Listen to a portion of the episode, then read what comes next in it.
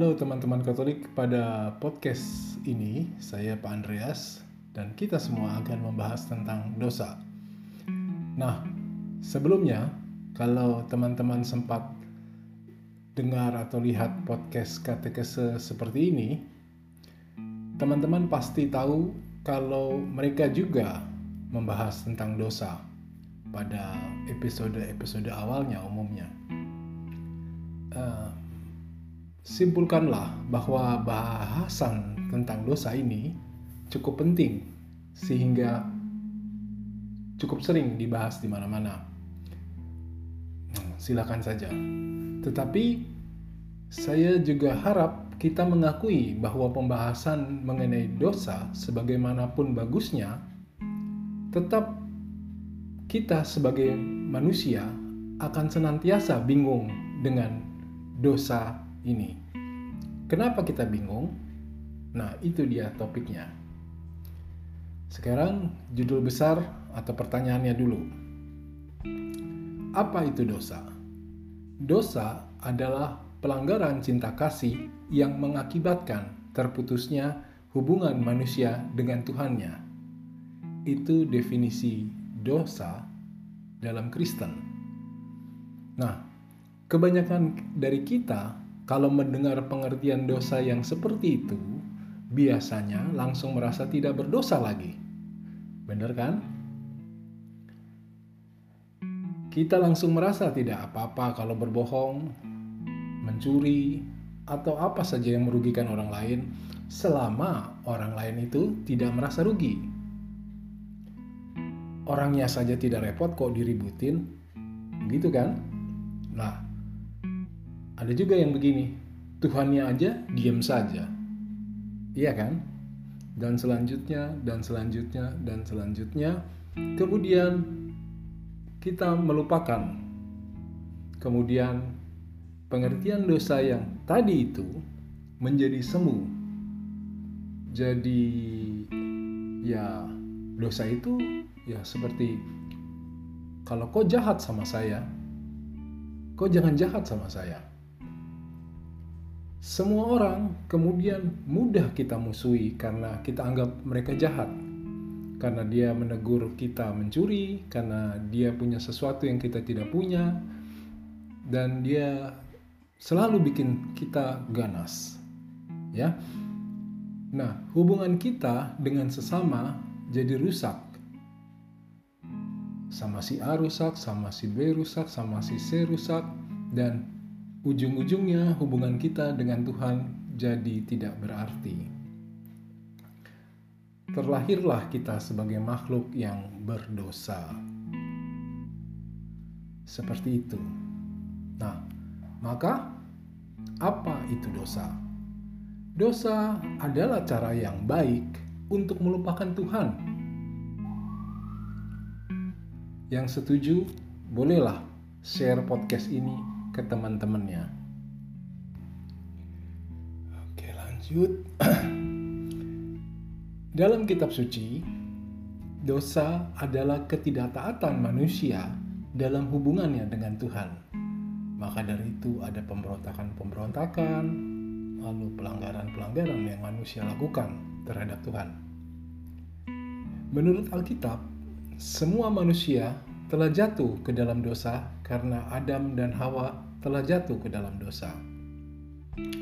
Dalam Alkitab juga ditunjukkan jalan keluar dari dosa, antara lain dengan mempersembahkan korban atas dosa dan salah.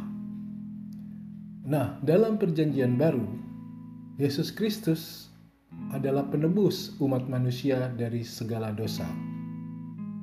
Suatu saat kita harus bahas itu. Ya, tetapi kita konsentrasi dulu di dosa. Dosa menurut Rasul Yohanes adalah pelanggaran terhadap hukum Allah. Bisa dilihat di surat Yohanes 1 3 ayat 4. Dosa menurut Rasul Paulus, tadi Rasul Yohanes ya, sekarang menurut Rasul Paulus adalah keinginan manusia berseteru dengan Allah karena tidak takluk pada hukum Allah. Itu bisa dilihat di Roma 8 ayat 7. Nah, Katekismus Gereja Katolik mendefinisikan bahwa dosa adalah satu pelanggaran terhadap akal budi, kebenaran, dan hati nurani yang baik. Dosa tidak hanya sekedar perbuatan, tetapi juga perkataan.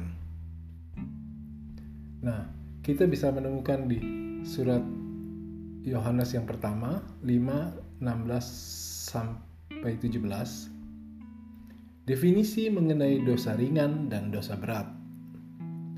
Dosa ringan adalah dosa yang tidak mendatangkan maut. Ah, lanjutnya, hendaknya ia berdoa kepada Allah dan dia akan diberi hidup. Itu dosa ringan. Definisinya adalah dosa yang tidak mendatangkan maut. Ada dosa yang mendatangkan maut. Lalu Yohanes bilang, "Tentang itu tidak kukatakan bahwa ia harus berdoa, karena semua kejahatan adalah dosa." tetapi ada dosa yang tidak mendatangkan maut. Ya, jadi kita bisa lihat bedanya dosa ringan dengan dosa berat yang eh, disebut oleh Rasul Yohanes. Ini diperjelas dengan Katekismus Gereja Katolik 1862 Dosa karena tidak memelihara hukum moral. Itu dasar ringan. 1863 catatannya, eh, penjelasannya. Namun dosa ringan tidaklah memutuskan persahabatan dengan Allah. Dapat diperbaiki secara manusiawi dengan bantuan rahmatnya. Tetapi dosa ringan yang dilakukan dengan sengaja dan tidak bertobat karenanya mempersiapkan seseorang sedikit demi sedikit untuk melakukan dosa berat. Katekismus juga menambahkan adanya definisi dosa partisipasi. Itu berdosa jika melakukan pembiaran atas terjadinya dosa kepada orang lain dengan melakukan salah satu dosa itu. Eh, jadi kita membiarkan eh, tidak ditegur, tidak diberi nasihat dan lain-lain itu disebut doa partisipasi. Nah, di Roma 5 12 sampai 21 Konsep dosa asal yang berasal dari Adam itu disebutkan oleh Rasul Paulus. Di Roma 5 12 21 konteksnya judulnya Adam dan Kristus, Adam dan Yesus apa begitu ya. Nah, uh, dosa asal adalah dosa yang diturunkan oleh Adam sebagai manusia pertama. Dan apa saja dosa asal itu? Begini, Santo Gregorius Agung merumuskan tujuh dosa pokok. Seven capital sin, seven deadly sin. Kalau sekarang mungkin kita lebih gampang menyebutnya dengan tujuh dosa yang kagak ada matinya. Antara lain, kesombongan, ketamakan, iri hati, kemarahan, hawa nafsu, kerakusan, dan kemalasan. Ketujuh dosa ini disebut deadly, mematikan, karena kita sering menganggapnya ini dosa yang ringan. Jadi tanpa disadari, dosa ini mendorong kita ke dosa yang berat. Ketujuh dosa ini disebut kapital atau dosa pokok karena dosa-dosa ini adalah dosa yang menjadi sumber bagi orang lain. Eh, sorry, sumber bagi dosa-dosa yang lain. Ya. Nah, kalau menurut saya tujuh dosa ini adalah dosa yang tidak perlu diajarkan. Artinya, anak bayi yang belum mengerti apa-apa, mungkin baru berusia 6 bulan, sudah bisa iri hati, sudah bisa marah, sudah bisa timbul kerakusan dan kemalasan. Itu bayi 6 bulan. Jadi ini adalah dosa yang tidak perlu diajarkan. Kita lahir dengan ketujuh dosa ini ada orang yang bilang dosa ini adalah manusiawi dan itu akan mengantar kita ke pembahasan selanjutnya.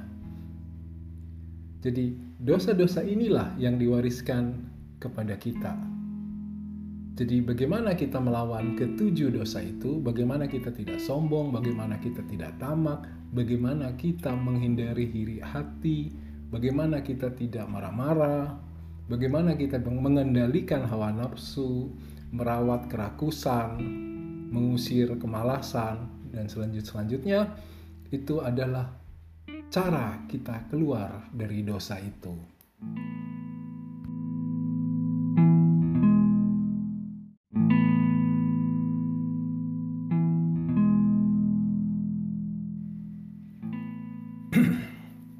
Ya, lanjut.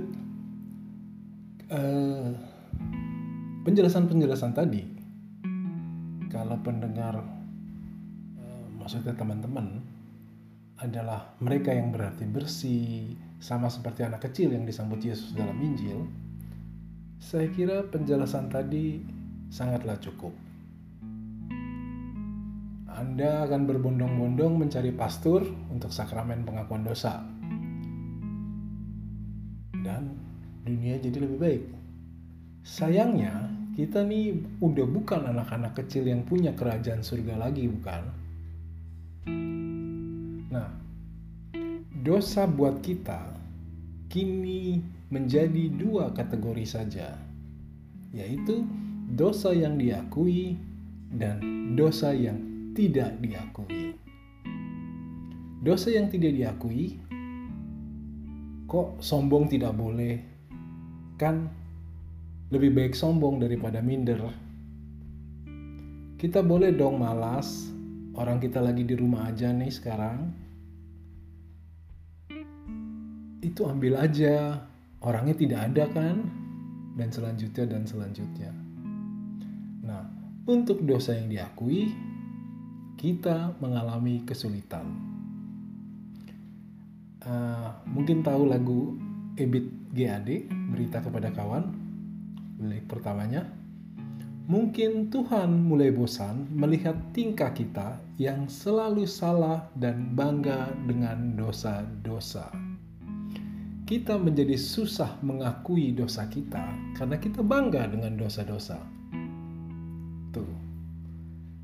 Kita sekarang memilih mana dosa yang akan kita jadikan dosa kita. Hal mana yang membuat kita cenderung membuat semua dosa nampak ringan. Karena kita perlu sesuatu yang dibangga-banggakan. Teman-teman tentunya pernah lihat seorang ibu memarahi anaknya karena mengembalikan uang yang jatuh atau se uh, jangan ibu seorang bapak memarahi anaknya karena tidak ikut mencontek. Nah, jadi begitulah prosesnya. Pertama, godaan dosa datang dalam pikiran, kemudian kita biarkan. Dua, kita menikmati godaan itu dalam pikiran.